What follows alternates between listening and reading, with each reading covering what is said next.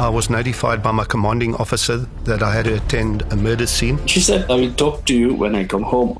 She never made it. Eers was dit 'n seremonie om haar liefde te vier en die volgende seremonie sou wees haar verrassing in Londen. I personally had one interview with Mr. Dewani. He became extremely uncomfortable, and there I really knew that at some stage or other I was going to arrest Mr. Dewani for this murder. Die mens weet nie waar die waarheid op en waar die leuns begin nie. Niemand het daai verwag nie. When the defense began to test the evidence, their watertight case began to leak like a sieve. En ek dink dit vat omtrent in een sin saam wat hier gebeur het. November 2010. Annie en Shrin Dewani se taxi word in Kokoletto gekaap. Annie is vermoor en die polisie is op Shrin se spoor. Hiermee huisgenoot redakteur Ivan Beyers. Ek sukkel steeds om sin te maak van die dood van Annie Dewani.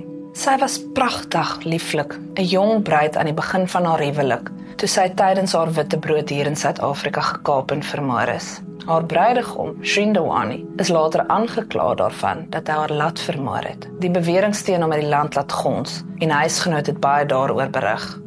Hy is uiteindelik deur die hof hier in Suid-Afrika vrygespreek en het voortgegaan met sy lewe ander kant die waters. Maar ek dink jare later het haar familie nog steeds nie berusting nie en is hulle wonder nog steeds net so rou as toe hulle destyds met huisgenoot oor haar dood gepraat het. 'n Rustige Sondag wat skielik ontwrig is met nuus dat 'n vroulike toerist vermoor is. So onthou huisgenoot joernalis Marlies Gerbich die dag toe sy van Annie Dewani se hartverskeurende dood gehoor het. Ek het die eerste keer van die Annie Dewani moord gehoor op die Sondag nadat sy tragies vermoor is.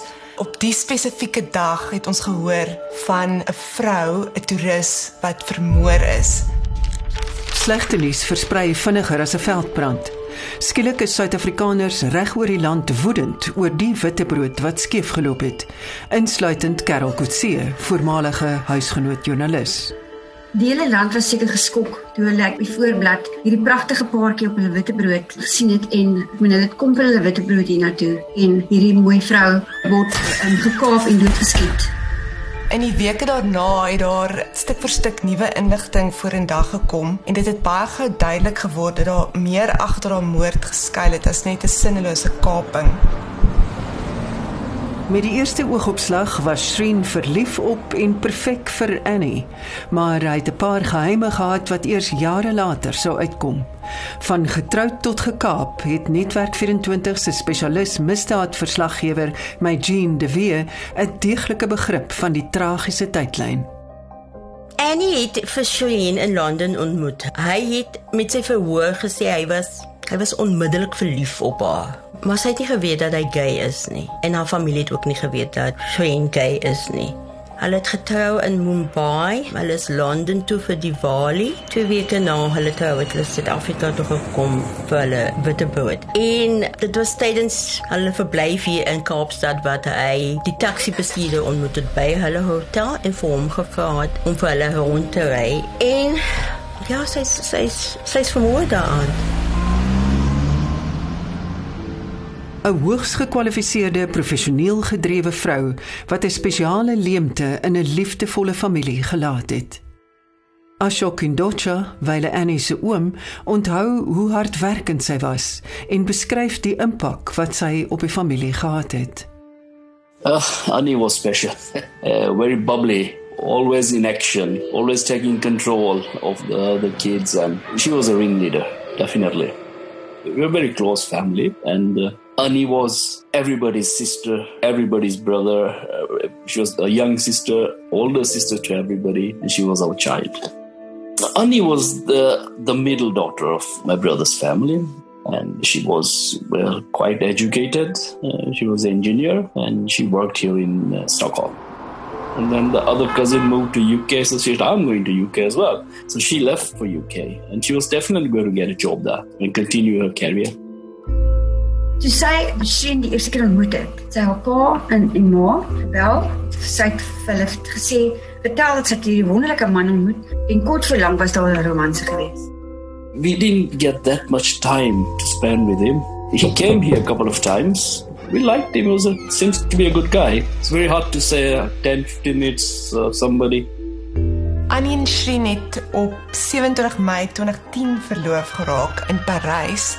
Shreen het spesiaal vir hulle 'n vliegtuig gehuur en die twee saam oor en dit lyk of die twee dol verlief is. He proposed to her. We were happy. Annie has found somebody. If Annie liked him, we have no problem with that.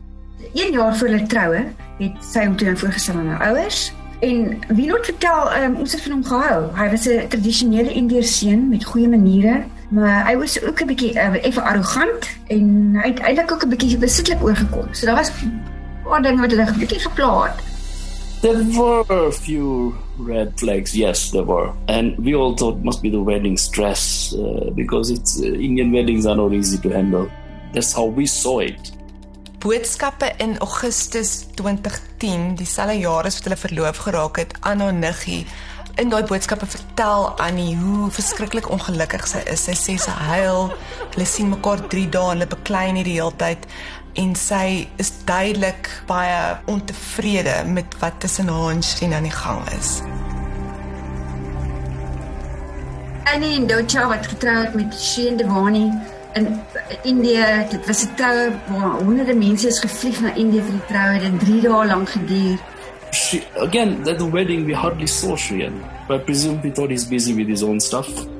Die boodskappe tussen na Niggie toe het later gewys dat selfs tydens die troue was daar ongelukkigheid gewees. Sy het blykbaar nie gemaklik gevoel in wat sy aangegaan het nie en sy en Shreen het ooreengekom dat hulle vir die res van die tyd nou net gaan toneel speel. So blyklik was Shane 'n baie goeie akteur. Weet hy het hulle oortuig dat hy hierdie troubare skoonseun sou wees wat mooi na hulle dogter sou kyk. At that time, we didn't realize it, but afterwards, we get these flashbacks that maybe we should have seen this sign, this flag, or this flag. Die die kersie op die koek was nou eintlik hulle het nou eers gegaan vir 'n safari in die Kreerwiltuin, maar Kaapstad sou nou die kersie op die koek wees. 'n Week nadat hulle getrou het in Mumbai, het hulle Suid-Afrika te vertrek vir hulle witbrood. Hulle was eers vir omtrent 'n week by 'n wildsreservaat in die Kreerwiltuin en toe het hulle Kaapstad toe gekom. Hulle het in die Cape Grace Hotel tuis gegaan en enkele dae daarna is Annie te vermoor. Ehm um, eers was dit 'n seremonie om hul liefde te vier en die volgende seremonie sou wees haar verassing in Londen. Op die aand van 13 November 2010, slegs 'n paar dae na hulle getrou het, word 'n taxi waarin Annie en haar man Shreen Devani gery het, gekaap tydens 'n besigtigingstoer in Gugulethu. Toe luitenant-kolonel Paul Hendrikse by die toneel van die kaping arriveer, het hy vinnig besef hoe ernstig en kompleks die saak sou wees. I'm a lieutenant colonel in the South African Police Force. I'm currently the commanding officer of the Serious Violent Crime Group of the Western Cape. I got involved in the Annie Dewani murder. I was notified by my commanding officer that I had to attend a murder scene that was situated at Lingaletu West, and I was nominated as the lead investigating officer. When I arrived at the scene, I noticed a silver Volkswagen parked on the left hand side of the road. At the vehicle, I noticed a lady on the back seat, and it was clear to me that she was deceased and that I was dealing with a murder scene. Die polisie het 'n verklaring uitgereik. So ons het 'n naam en 'n van gehad. Ons het geweet dit is 'n witse toerist wat die saam met 'n man vir 'n witte brood was en dit is 'n paartjie wat gekaap was. En dit was maar op die ou einde Kylie en Guguletu se mense wat met inligting na vore gekom het. Initially, there weren't any leads, but we got the breakthrough the Monday afternoon when I was informed by the local criminal record center that Mr. Mgeni's palm print was lifted off the vehicle that they were traveling in and the vehicle that was hijacked. And on interviewing Mr. Mgeni, he then disclosed who was with him and gave us the name of Mr. Kwabe. On arresting Mr. Kwabe, he led us to the firearm that was used. He also led us to Mr. Monde Malombe. On arresting Mr. Malombo, he led us to the person that made contact with him initially, which was Mr. Tonga, who then cooperated and told us that Mr. Shrindawani was involved and he was the orchestrator of the whole murder plot. Tydens die ondervraging van die vier verdagtes het die polisie die kronologiese gebeure van die kaping en die uiteindelike dood van Annie Devani probeer uitlê. Volgens die verklaring sê Shrin na bewering met sy aankoms in die Kaap vir hulle taxi-bestuurder Zola Tongo gevra of hy 'n kontak het van iemand wat 'n huurmoord sal uitvoer vir R15000. Zola Tongo stem na bewering in om te help en maak kontak met Monde Mbolombo, 'n portier by die Colosseum Hotel by Canal Walk. Meneer Mbolombo maak op sy beurt weer kontak met Mziwa Madodo Kwabe wat instem om saam met sy vriend Kolile Ngeni 'n kaping op die Dewani's uit te voer. Shreen 'n ruk na die kaping uit die voertuig te gooi en dan vir Annie te vermoor. Hulle het van die Kreewilte af gekom en hulle het by die Cape Grace Spoghotel waterfront het hulle in bespreek en hy het haar toe geneem na die strand van alle plekke en daarna uh, met hulle uh, volgens hom wou sy die ware Afrika belewenis hê en hulle het die taxi gevra om hulle na Gugulethu te neem. Die taxi is toe oorval en uh, hulle het vir Shane en die, die taxi bestuurder um, uit die voete gegooi en verdwyn met Annie Die volgende oggend is haar lijk agter in die voertuig gekry wat toe nou net iewers gelate is. So dit is wat oorspronklik waarskynlik gebeur het. Massa media dekking het die land met talle vrae gelaat. Kliniese sielkundige en profielsamensteller professor Gerard Labeskagni het 'n logiese aanslag waarmee hy hierdie vrae benader. We are known as an incredibly violent nation with a lot of cases of murder. And people say, but well, would he really approach the first taxi driver he meets? Or should he approach the second one, the third one, the fourth one? Where do you start and why not? Uh, is it more likely, you know, would he have a better chance of finding someone in Sweden or in the UK or in South Africa? I think most of us would agree it's probably going to be easier to find someone in South Africa. Volgens Dewani se verdediging het die gesprekke tussen Shreen en die taxi-bestuurder Tongo na bewering gehandel oor 'n helikopterrit in Kaapstad. Kringtelevisie beeldmateriaal wys hoe die ontvangspersoneel, waarvan Bolombo een is, 'n gesprek voer oor 'n helikopterrit kort nadat Tongo by die hotel uit is.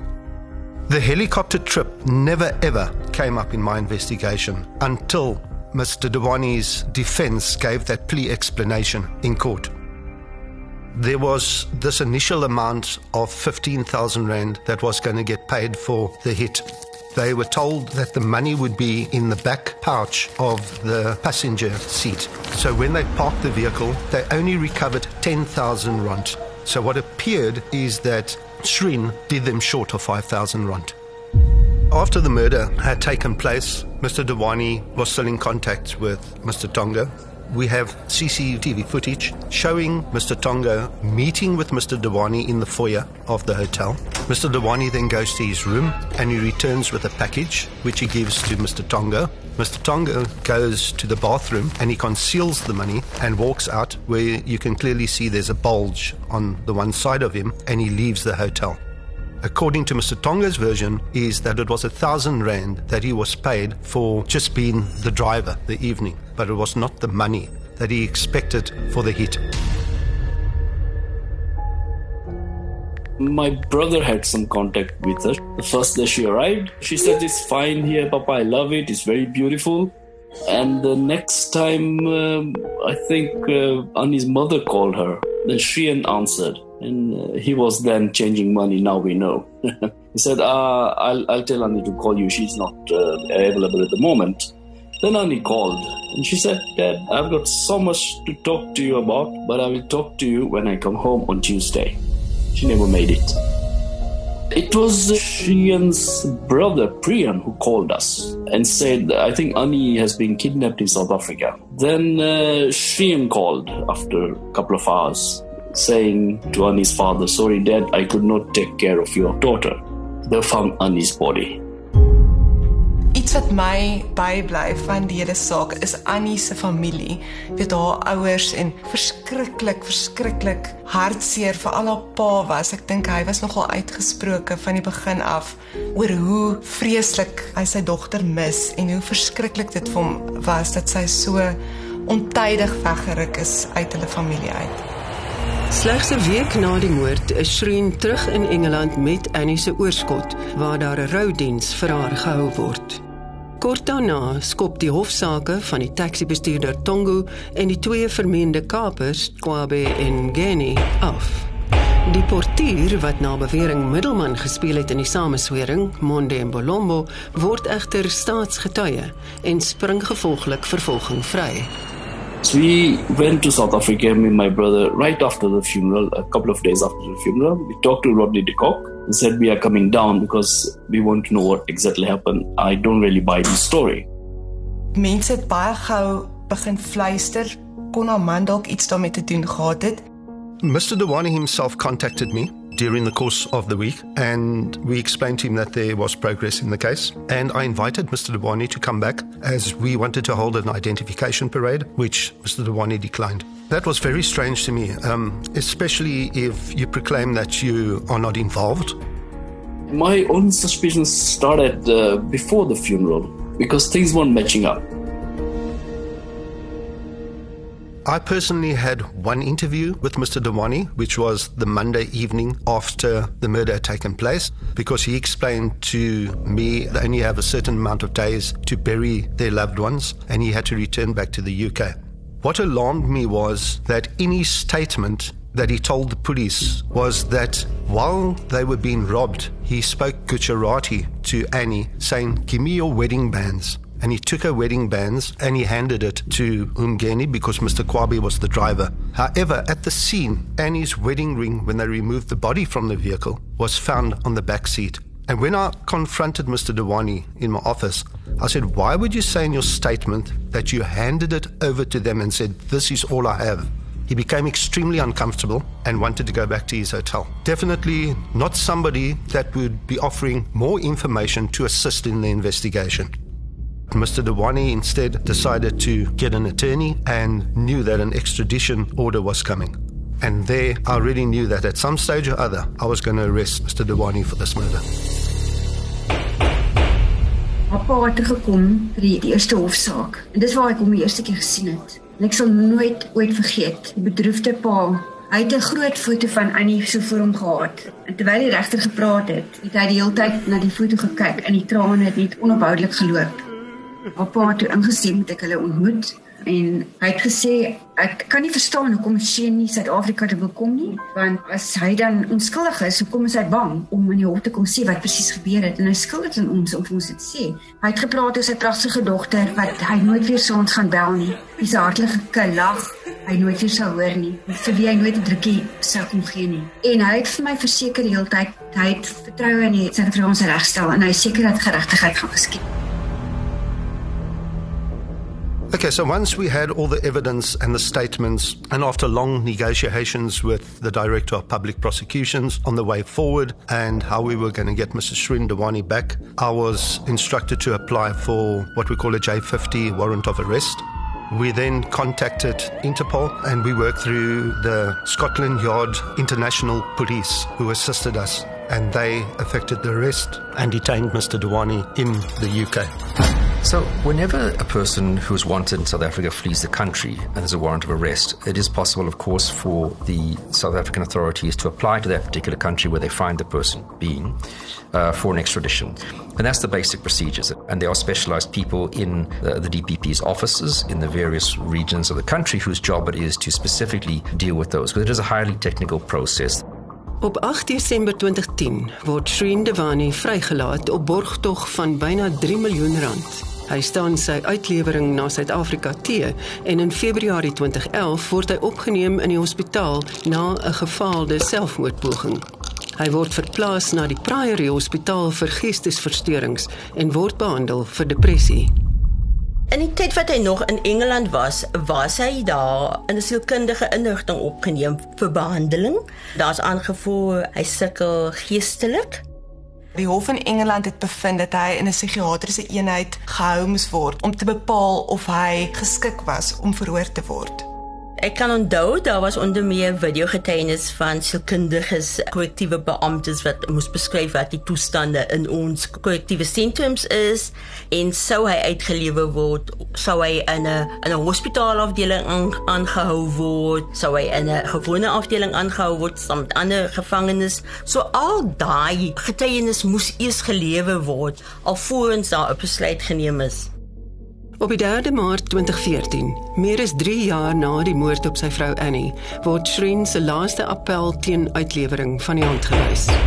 Ingevolge die uitleweringsooreenkoms moet hy vir die duur van sy verhoor in Valkenburg Psigiatriese Hospitaal bly om die nodige mediese sorg te kry. Hy land uiteindelik in Suid-Afrika op 8 April 2014. In Junie 2014 het hy huisgenoot foto's publiseer van Shreen waar hy stap saam met 'n werknemer van die Valkenberg Psigiatriese Hospitaal. Maar ek onthou as jy na die foto's gaan kyk het, kon jy sien dit het baie goed gegaan met hom. So op daai stadium het dit gelyk of dit baie beter met hom gaan in vergelyking met foto's wat 'n mens gesien het terwyl die uitleweringsooreenkoms nog aan die gang was. Op daai stadium was hy heeltemal gebroke. I think he was bloody lying. Mense glo maar wat jy wil glo. Ek dink hy was bang om tronk toe te gaan. I don't think uh, he was that sick that he could not go to South Africa and tell the truth. Hy was omtrent 30 plus bietjie meer as 30 dae daar gewees, maar daar's gevind dat hy by sy volle positiewe is en dat hy verhoor kan word. Van die moord gepleeg is totdat hy hier aangekom het en die verhoor begin loop het, het 3 jaar verloop. En in daardie 3 jaar het die media net een kant van die saak gehoor. En dit is die saak wat die vervolgingsgesag vir Oral en Sandri vertel het. Al wat die publiek gehoor het, was die vervolgingsgesag wat vir almal eens insluitende die hof in Brittanje vertel het, they assured everybody that they had a watertight case. Verslaggewer, dink dit is van die Mail in Londen, het na die saak geskryf, the NPA assured all and sundry that they had a watertight case against Mr. Devani. When the defense began to test uh, the evidence they laid against Mr. Devani, uh, their watertight case began to leak like a sieve. En ek dink dit vat omtrent in een sin saam wat hier gebeur het. In Oktober 2014, een maand voor die 4 jaar herdenking van Annie se dood, skop Shreen Devani se verhoor af. Dis 'n mallie, dit was 'n sirkus. Ons moes aansoek doen by die hof 'n sitplek, want dit was Britse media, dit was Oseese media en dan natuurlik ons Suid-Afrikaners. Shreen word verteenwoordig deur advokaat François van Sail, bekend vir hoë profiel sake soos die van die beweerde diamantdief Adrian Newt, die sakeman Shabir Sheikh en die voormalige Steinhof-baas Marcus Jooste. Ons het geweet dat advokaat François van Sail, hy sê hy senior counsel dat hy iets gaan doen wat niemand gaan verwag nie. En hy is een van die beste regslei wat ek ken, hy het 'n briljante legal mind. En toe pluk hy die haas uit die hoed uit en hy sê op record in die hof, Shane is gay.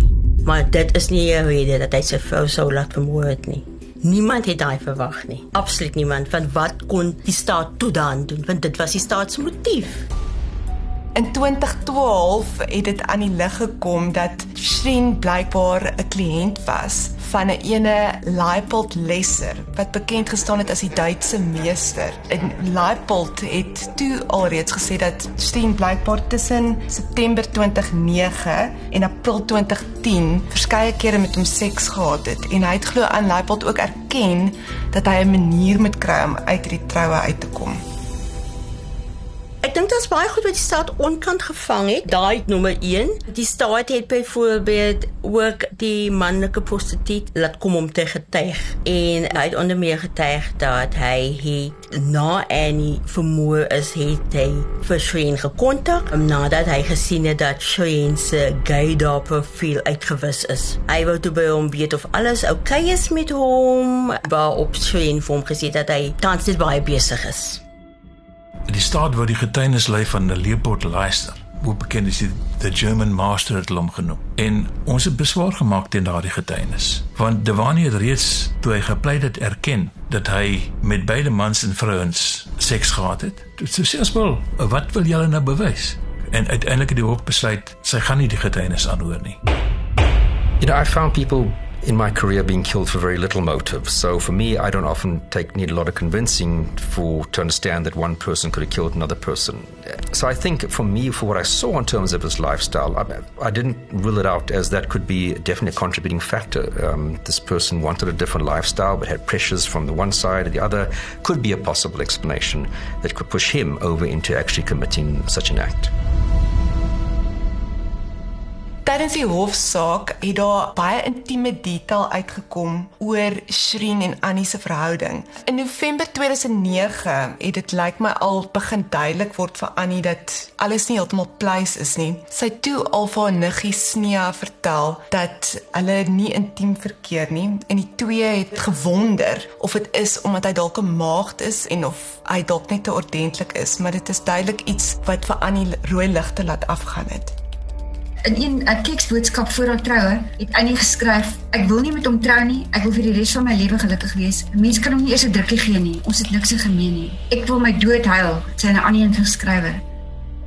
So, if you look at things such as his lifestyle, and uh, the state did want to introduce a lot of evidence about his sexual preferences that they'd found in terms of computer images on his computer, if I'm not mistaken, but also statements by, for example, male sex workers in the UK that were not allowed to be introduced by the judge, and of course, SMSs about the relationship, but the judge feeling that those were not evidence that he wanted to kill her or that there was an intent to kill, and the relationships have their ups and downs. So, I think the state was very frustrated by not perhaps being able to introduce those items, but again, it's the judge is the one who has to decide whether those bear any relevance on proving or disproving someone's guilt. Met die regter se besluit om die SMS-boodskappe en die getuienis oor Shreen se seksualiteit as irrelevant te stempel, moes die staat hoofsaaklik staat maak op die getuienis van Tongo, Mbolombo, Ngeni en Kwabe om Shreen se skuld te bewys. Toe Tongo in die getuiebank aanklam, Ek bedoel een leen op die ander. Dit hoef dit uiteindelik bevind mense weet nie waar die waarheid op en waar die leuns begin nie. Hy is die enigste een wat Devani betrek by die sogenaamde moord. En sy getuienis was krities en hy was 'n totale leienaar. En hy het dit ook so bevind. En meneer Mbolombo wat net die kontak gemaak het toe ons die telefoonoproepe ontleed, het ons agtergekom dat hy eintlik in beheer was van die hele operasie. Maar dit het jy ongelukkig nie in die media gelees of ek kan onthou nie. Dit dit was die begin en die einde van die saak. The suspects never ever changed their versions. Mr. Kwabe testified in the trial of Mr. Mgeni, who was found guilty and sentenced to life imprisonment. Mr. Malombo testified as a Section 204 witness, and his evidence was accepted by a judge, and he was granted Section 204 status. When they were put back into the box to testify again, the defense battered them and took them from one event to the next event, and there was no line of questioning. But the bottom line remains is how they were approached, how the hit went down, what money they received. They never deterred from that. Die Saterdagoggend, hy het Tongo getuig toe hulle terugkom by die hotel, het hulle in die kar gesit en daar Dewani vir hom in detail verduidelik wat hy gedoen wil hê. Die krinktelevisie van die hotel het heeltemal 'n ander prentjie gewys. Dit wys die kar kom aan en die kar is dit skaars stil gestaan. Toe spring Dewani uit en hy begin hardloop na die hotel toe. By die strand, die Surfside restaurant waar hy aand geëet het, het Tongo getuig dat terwyl hulle stap in die gang, het die vrou bietjie agter geraak en het, het hy in in Dewani kans gehad om te praat. Nou as jy krinktelevisie kyk, het hulle altyd langs mekaar gestap. Daar's geen manier wat hy met Dewani kon gepraat het wat sy net so hoor het nie. Met ander woorde wat die krinktelevisie vir jou gewys het en wat Tongo gesê het dit gebeur is twee totaal verskillende goed. Aan die einde van die staatssaak het ons 'n aansoek gebring om ontslag. Dit is artikel 174 van die strafproseswet. Dit lees min of meer so iets is daar aan die einde van die staatssaak geen getuienis is waarop hof kan skuldig bevind nie. Dan kan die hof die persoon onskuldig bevind. En die hof het gekyk na alles sê ek kan nie op Tongo se getuienis enigsins staat maak. Dit is so swak. Hy het so gelieg en dieselfde vir die ander lot gegeld. Die taxi-bestuurder Zola Tongo word op 7 Desember 2010 gefonnis tot 18 jaar tronkstraf na 'n pleitooreenkoms met die staat. Op 8 Augustus 2012 word Mziwa Madodo Kwabe op aanklagte van moord, kaping, ontvoering en die onwettige besit van 'n vuurwapen skuldig bevind en 'n vonnis van 25 jaar tronkstraf opgelê. Olile Mgeni word skuldig bevind aan moord met voorbedagte rade op Annie Devani, kaping en die onwettige besit van 'n vuurwapen en ammunisie. Hy kry lewenslange tronkstraf. Hy sterf egter 6 jaar later aan breinkanker. Die portier Monde Mbolombo wat staatsgetuie geword het, word weens sy onbetroubare getuienis in die Shrine Devani saak deur die regter ingelig dat hy wel vervolg kan word ongeag die immuniteit wat hy by die staat verwerf het. En uiteindelik word Shrine Devani se saak uit die hof gegooi na die regter bevind het dat daar nie genoeg getuienis en konkrete bewyse is om hom skuldig te bevind nie. Op die 8de Desember 2014 word Shreen Dewani vrygespreek van die moord op Annie Dewani en die hof bevind daar is geen bewyse of geloofwaardige getuienis dat dit 'n huurmoord was nie. First of all, uh, Sheen was not declared not guilty. The case was thrown out, lack of evidence. Uiteindelik as jy alles saamvat, dan goed gelief. It was extremely frustrating, extremely frustrating. And not only to me, to the general public at large.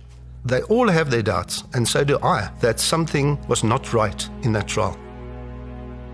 Bottom line, die saak wat die staat voorbelê het, was hoegenaamd nie geloofwaardig. It leaked like a sieve. Dis die storie.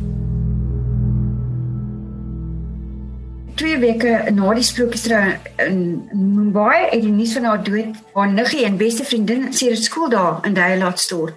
Ek het haar opgespoor en sy het gesê die lewe sonder Annie is, is leeg vir my. Sy was die eerlikste mens wat jy kan ontmoet en sy het nooit geskroom op te staan vir dit waaraan sy glo en om haar geliefdes te beskerm nie. Dit was altyd vir belangrik om die regte ding te doen. This, a murder or her death, something that we didn't dream of. We are not going to give up on this. Maybe 10 years more, I don't care. We need to find the truth and we will find it, one way or the other. Die familie, daar was nou die berig in die koerant, dis 10 jaar gelede dat dit gebeur het en hulle vra nog steeds, wil jy nie maar vir ons eerlik sê wat gebeur het nie? Ons kan hom nie terugbring nie, maar ek kan vir ons afsluiting gee. Dis 'n baie tragiese storie.